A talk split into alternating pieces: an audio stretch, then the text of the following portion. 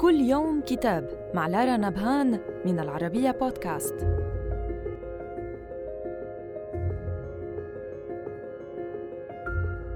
نتناول اليوم كتاب Metaphysical Animals أو حيوانات ميتافيزيقية من تأليف كلير ماك كوميل وريتشل وايزمان يتناول مبحث الأخلاقيات وليس الفلسفة بعامة ويقصد بالأخلاقيات هنا مبحث الفلسفة الأخلاقية.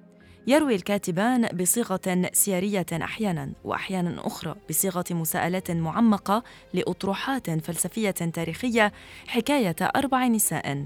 هن آيريس ميردوك، فيليبا فوت، وإليزابيث أنسكوم وماري ميغلي جمعتهن الأقدار الطيبة ليكن طالبات فلسفة في جامعة أكسفورد خلال الحرب العالمية الثانية.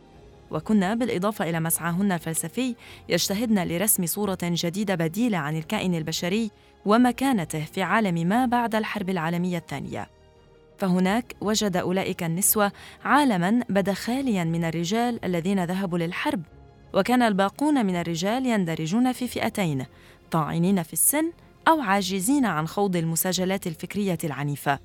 كانت أكسفورد حينها مكاناً يمكن فيه لصوت النساء أن يسمع على عكس واقع الحال قبل نشوب الحرب.